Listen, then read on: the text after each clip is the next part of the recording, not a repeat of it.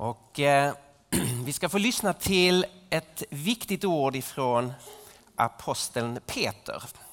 Från andra Petrusbrevet kapitel 1, vers 16 till 21.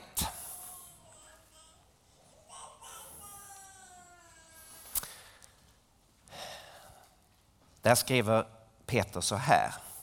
Vi följde, vi följde ju icke klokt uttänkte myter då vi kungjorde för dere vår Herre Jesu Kristi kraft och hans komme. Nej, vi var öjenvittner och så hans gudomliga storhet. För han fick ära och härlighet av Gud, sin far, den gång rösten löd över ham från den höjeste härlighet. Detta är min son, den älskade, i ham har jag min glädje. Vi hörde själv denna rösten från himmelen då vi var samman med ham på det heliga fjället. Därför står också profetordet som är fastare för oss. Detta ordet gör dere rätt i och håll det fast på. Det är en lampa som lyser på ett mörkt sted till dagen gryr och morgonstjärnan stiger upp i deras hjärtan. Men dere må framförallt veta att den icke kan tyda något profetord i skriften på egen hand. För aldrig blev någon profeti båret fram för det ett människa ville det. Men drevet av den helige ond talte människor ord från Gud. Så lyder Herrens ord. Herre, nu ber vi dig att du ska tala till oss, öppna vårt liv för ditt ord och öppna ditt ord för oss så att vi förstår det. Tala in, Herre, rakt in till våra tankar, till vårt hjärta, till vår vilja och skapa tro i våra liv. I Jesu namn ber jag. Amen. Vart är det här jordklotet på väg egentligen? Vad är jordens framtid? Om du tar bort Gud ur bilden och bara tänker, vad är framtiden för planeten jorden?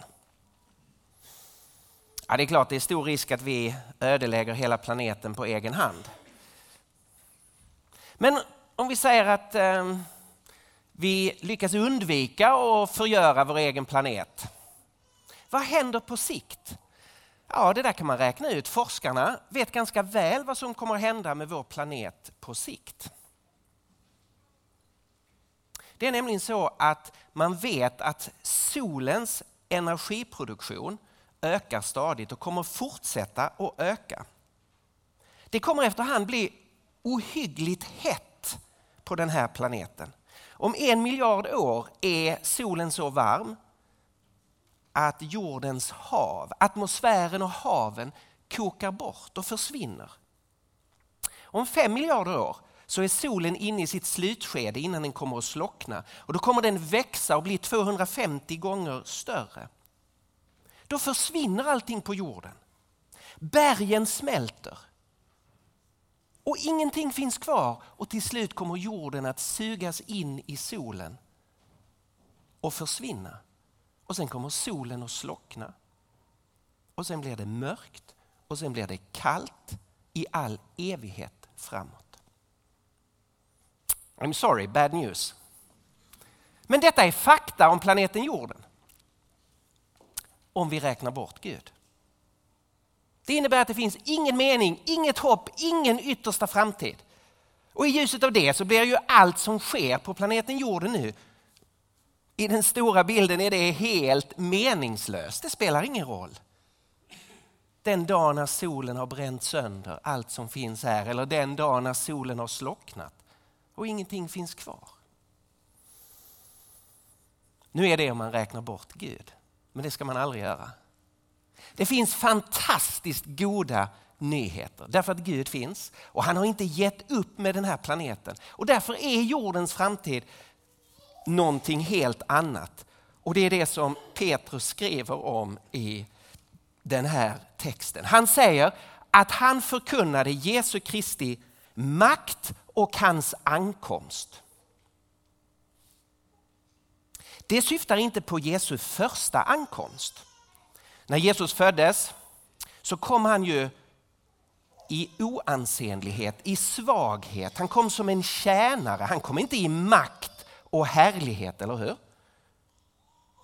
Så han syftar inte på Jesu första ankomst när han föddes i Betlehem och sen vandrade i Judeen och Samarien och Galileen. Nej, det här handlar om Jesu andra ankomst, hans återkomst. När han ska komma tillbaka som Herre och ska komma i stor makt och i stor härlighet och ska lägga allting under sig. Och så ska han ge jorden en fantastisk framtid. Det här är ett av de viktigaste budskapen i Nya Testamentet. Var 25 vers i Nya Testamentet handlar om Jesu återkomst. Som är ett glädjefullt budskap. Tillvaron ska inte sluta i ingenting. Vi är på väg mot att Jesus ska komma tillbaka. Nya testamentet använder fyra olika uttryck för att fånga den här sanningen. Man talar om dagen. Det är inget speciellt med en dag. Det är en dag idag och det kommer en dag imorgon. Men det finns en dag som är dagen i bestämd form. Det som i Gamla Testamentet kallas för Herrens dag och som i Nya Testamentet kallas för Jesu Kristi stora dag. Dagen i bestämd form, det som är den yttersta dagen, den sista dagen, det som hela historien är på väg mot. När Jesus kommer tillbaka. Den dagen som är bestämmande för allting annat. Vi väntar på den dagen när Herren kommer. Det är hans återkomst, det är det andra ordet. Parousia.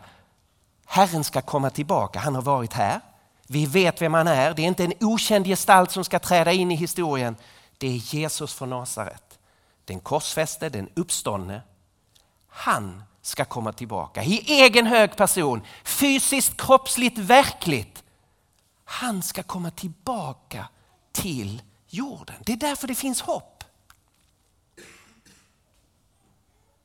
Det beskriver Nya Testamentet som att han ska träda fram. Epifaneia på grekiska. Han ska träda fram. Den bilden som det ordet innebär det är att det är någon som står utanför dörren. Vad skulle hända här? Det, det kan ju stå en person utanför den dörren där. Vad skulle hända här om president Obama plötsligt öppnade dörren och steg in? Av någon konstig anledning skulle ni sluta titta på mig. Det hade förändrat hela skeendet i detta rummet. Plötsligt träder någon in och allting blir annorlunda. Allt avstannar som man håller på med och allt fokus blir på den personen. Så är det, Jesus står precis utanför dörren och en dag väljer han att öppna den dörren och träda fram, träda in i historien. Och då kommer allt att avstanna. Det intressanta är att media kommer missa den dagen. Varför? Därför att på den dagen så finns det inga åskådare som står och rapporterar och filmar oss utanför skeendet. När Jesus träder in kommer han att dra in varje människa direkt i det skeendet. En dag kommer han att träda fram. Och det fjärde ordet är apokalypsis. Han kommer att uppenbaras. Då kommer det visa sig fullt ut vem han är.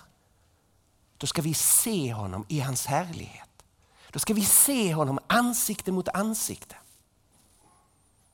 Det här är fantastiska nyheter. Historien är meningsfull.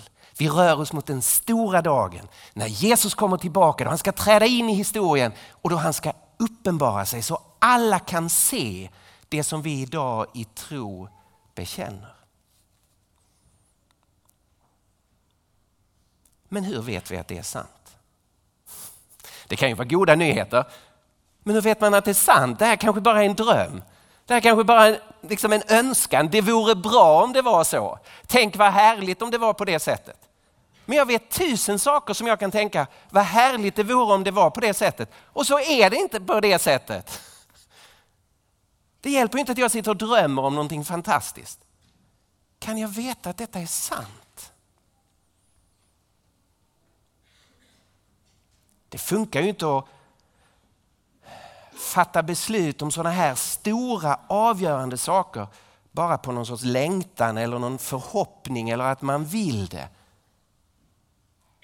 Är det här inte sant då lurar man ju sig bara, lurar man bara sig själv.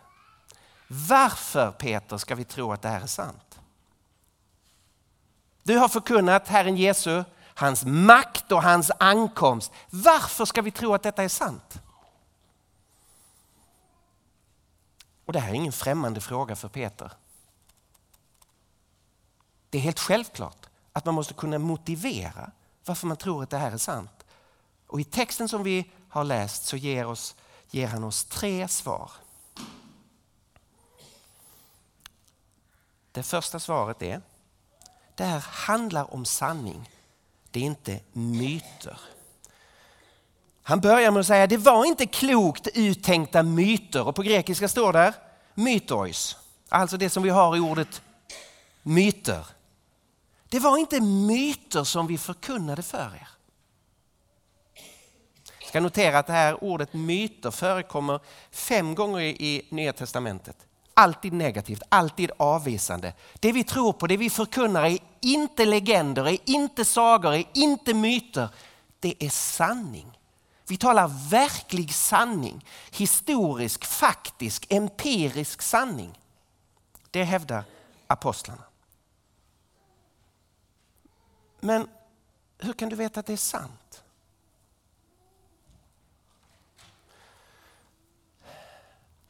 Peter, eller Petrus som vi säger på svenska, han hänvisar tillbaka till förklaringsberget.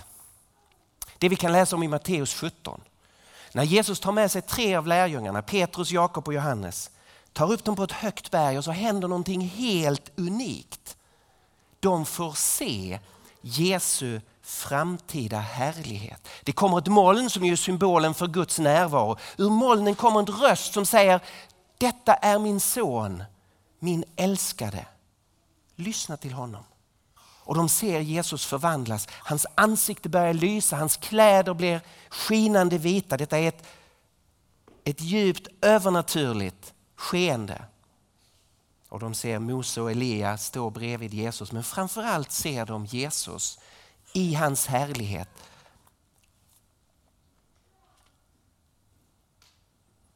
De ser Jesus på ett sätt som de inte såg honom vanligtvis under hans offentliga verksamhet.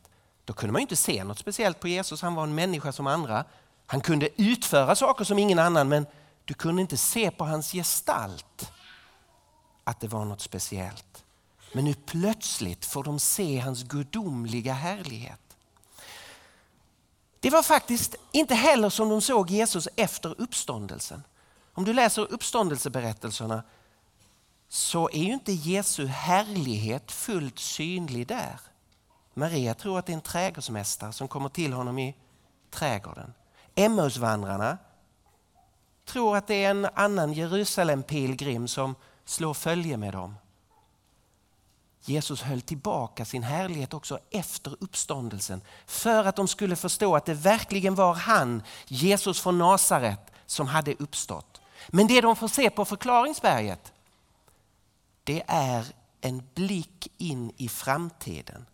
De får se hans fulla härlighet under några ögonblick. Den härlighet han ska komma tillbaka med. Det som han själv säger att människosonen ska komma på himmelens skyar och ska komma med stor makt och härlighet.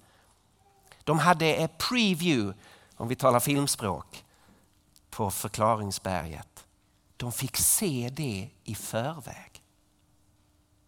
Det är därför som Petrus kan säga, jag vet att det är sant. Han ska komma i stor makt och härlighet. Därför att jag var ögonvittne och har sett den härligheten i förväg. Och inte bara jag, vi var tre stycken. Peter, Jakob och Johannes. Det här är ju jätteviktigt. Om en person ser någonting och rapporterar ett vittne så har vi ju hela tiden frågan, kan vi lita på det vittnet? Har den personen missförstått det? Kanske såg den personen fel? I en domstol. Du behöver mer än ett vittne. I den judiska lagen, efter två eller tre vittnens utsagor ska allt avgöras. Det är därför Jesus tar med sig vid de viktiga tillfällena minst tre personer för att det ska vara vittnesgilt. Och Petrus säger, vi var ögonvittnen. Vi såg hans gudomliga storhet. Vi hörde själv rösten Vi såg, vi hörde. Hur kunde vi göra det? För vi var själva med honom på det heliga berget. Jag var där. Det här är sant. Petrus, Jakob och Johannes har sett Jesu härlighet i förväg. I tillägg till det har de ju sett alla under han har gjort. Tillägg till det har de sett honom uppstånden efter avrättningen på Golgata. Så det här är inte det enda argumentet. Men Peter väljer att lyfta fram det argumentet just här.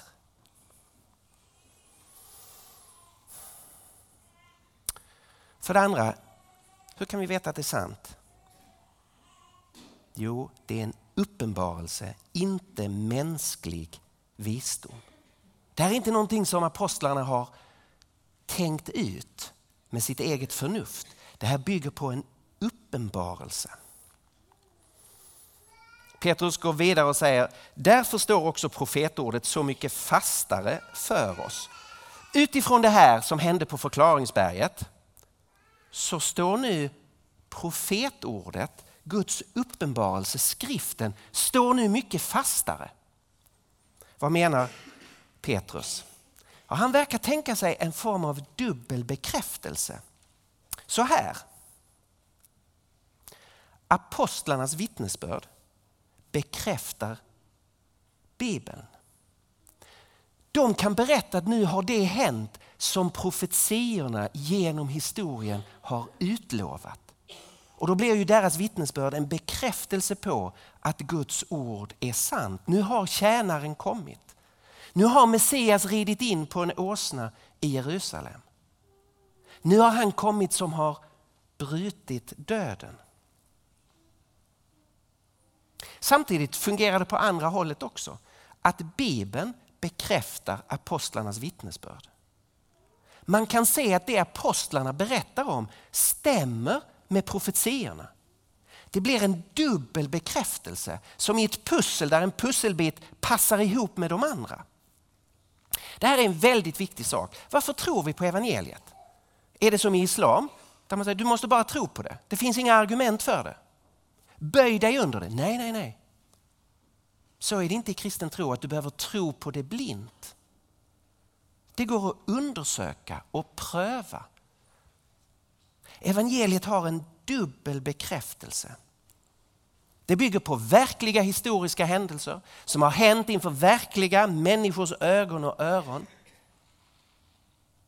Det här är inte drömmar eller myter eller sagor.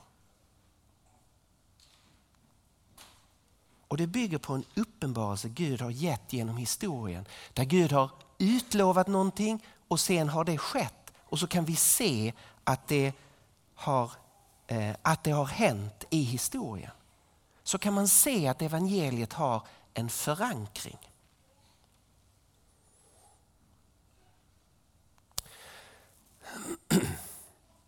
Så säger Petrus att det är någonting som vi framförallt ska veta. Och här blir man lite konfunderad som bibelläsare. Framförallt ska ni veta att en icke kan tyda några profetord i skriften på egen hand. Det verkar väldigt konstigt. Om nu skriften är så viktig, varför skulle Petrus säga, men kom ihåg, ni kan inte läsa den själva? Det tycker jag inte verkar stämma med själva tankegången i passagen här. Nej, det visar sig att det här är ett ställe, och jag har citerat den norska bibeln 2011 som översätter det precis som de nyare svenska översättningarna. Men det här kan översättas också på ett annat sätt som andra översättningar väljer att göra. Framförallt ska ni veta att ingen profetia i skriften har kommit till genom egen utläggning. Eller som engelska översättningar säger, came about by the prophet's own interpretation. Poängen är alltså inte att vi inte ska läsa och tolka Bibeln. Poängen är att vi ska komma ihåg och veta att de här orden vi har i skriften har inte kommit till genom profetens egen tolkning. Han har fått dem från Gud. Det är Guds ord. Och därför menar jag att det är en ehm, det är en ganska eh, missledande översättning som vi har fått i flera av de nya översättningarna. Där man byter fokus från att det här kommer från Gud och är inte profetens egen tolkning till att säga att vi ska inte tolka det själva. Nej, det Petrus säger är att vi har fått ett ord ifrån Gud. Aldrig blev någon profeti båret fram för det ett människa ville det, men drevet av den heliga Ande talte människor ord från Gud. Här har vi ett av de viktigaste bibelorden om Bibelns inspiration. Varför vi som efterföljare till Jesus håller Guds ord så högt. Det är därför att det är verkligen människors ord. Det sägs väldigt tydligt, det är människor som har skrivit det här. Men människorna var inte den enda faktorn bakom tillkomsten av Bibelns texter. Det var människor som var drivna av den helige ande som skrev. Det här är två faktorer. Verkliga mänskliga författare och den helige ande som drev dem. Och därför är slutresultatet ord ifrån Gud. Ord som Gud backar upp. Ord som Gud vill kommunicera till mänskligheten. I och med att Petrus och Jakob och Johannes såg Jesu härlighet på förklaringsberget så blir det som ytterligare en bekräftelse på Guds ord. Och därför kan vi nu så mycket fastare veta att det som ännu inte har skett av det som Guds ord utlovar kommer att ske. Vi har fått ytterligare en pusselbit genom händelsen på förklaringsberget. Så mycket säkrare kan vi nu veta att Gud kommer att fullborda allt han har utlovat. Inte minst att han ska låta Jesus komma tillbaka i makt och härlighet. Så hur kan vi veta att det är sant? Det finns ögonvittnen som har sett Jesus i den härlighet han ska komma i. Den har de redan sett i historien. Hur kan vi veta att det är sant? Därför att det stämmer med Guds uppenbarelse. Det här är inte en form av mänsklig vishet. Det stämmer med det som Gud har sagt. Det profetiska mönstret faller på plats bit efter bit. Och nu kan vi ännu säkrare veta att de sista bitarna också ska komma på plats. Och det tredje som Petrus säger är, du kan få veta det här i ditt eget hjärta, inte bara i framtiden. Det kommer en dag i framtiden då alla, alla, alla ska veta att detta är sant. Tänk på det när du tittar på media. Ser alla de stora gestalterna, de stora politiska ledarna, de stora idrottsstjärnorna, de stora artisterna som hyllas. Och där det är så många av dem idag som förnekar eller föraktar den kristna tron. Det kommer en dag då alla ska se, då alla ska veta, då alla ska böja sig för Jesus då alla ska bekänna det vi har bekänt idag. Att Jesus är Herre. Det är bara en tidsfråga. Så det kommer en dag då alla ska veta. Men redan nu kan vi i vårt hjärta få en bekräftelse på det som en dag ska bli uppenbart för alla. Petrus skriver, detta ordet gör det rätt i att hålla fast på. Det är en lampa som lyser på ett mörkt sted till dagen gryr och morgonstjärnan stiger upp i deras hjärta. Vad är det för morgonstjärna som ska stiga upp?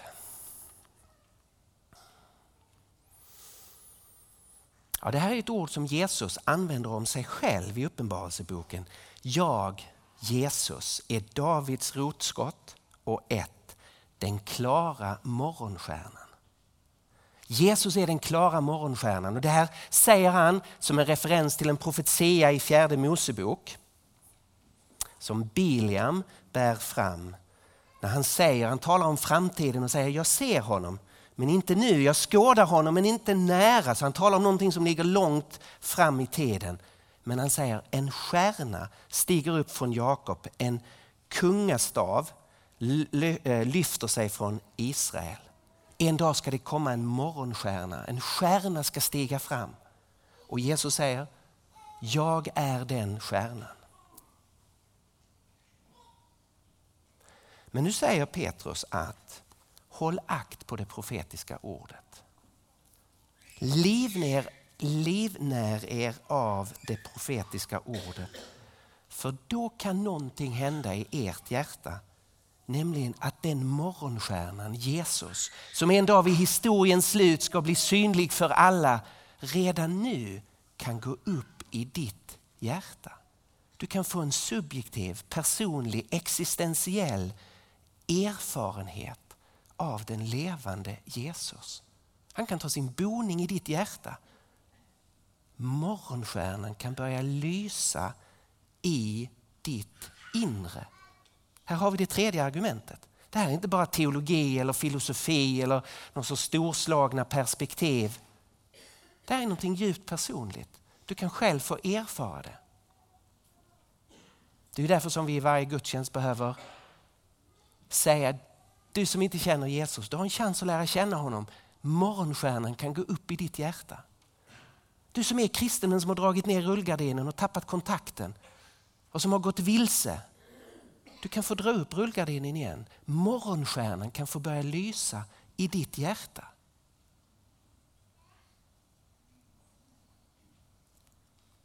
Så det finns en personlig bekräftelse. Så det finns en historisk bekräftelse, det är ögonvittnena som såg. Det finns en bekräftelse i Guds ord, det profetiska ordet. Och det tredje svaret är, det finns en personlig bekräftelse.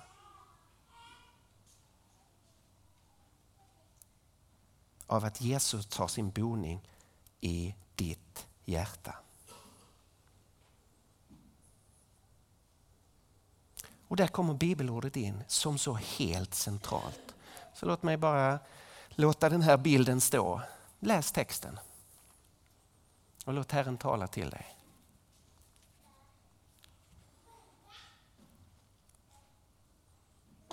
Om att lita på det profetiska ordet och låta det börja lysa för dig som en lampa i ett mörkt rum. Det är det som händer med Guds ord. Det är ett ljus på vår steg. Det skapar ljus i det som är mörker. Och så kan morgonstjärnan som är Jesus, han av Davids ett. Han kan stiga upp i våra hjärtan.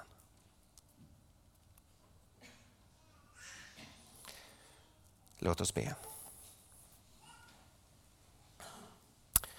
Herre Jesus, vi sträcker oss mot dig. Vi öppnar våra tomma liv inför dig och vi ber dig kom och fyll oss. Herre, låt ditt ljus få lysa i vårt hjärtas mörker. Låt morgonstjärnan få gå upp i vårt inre. Kom och ta din boning i oss. Herre, vi tackar dig för den stabila grund du har lagt. Vad du har gjort i historien, vad Peter, och Jakob och Johannes såg på förklaringsberget och vad de har vittnat om. Vi tackar dig för ditt ord där du talar till oss och visar vem du är. Och Herre, nu vill vi, om det är första gången eller om det är igen och igen, så vill vi ta emot dig här och bjuda in dig i vårt liv. Och vi vill säga vårt ja till dig. Kom Herre Jesus. Amen.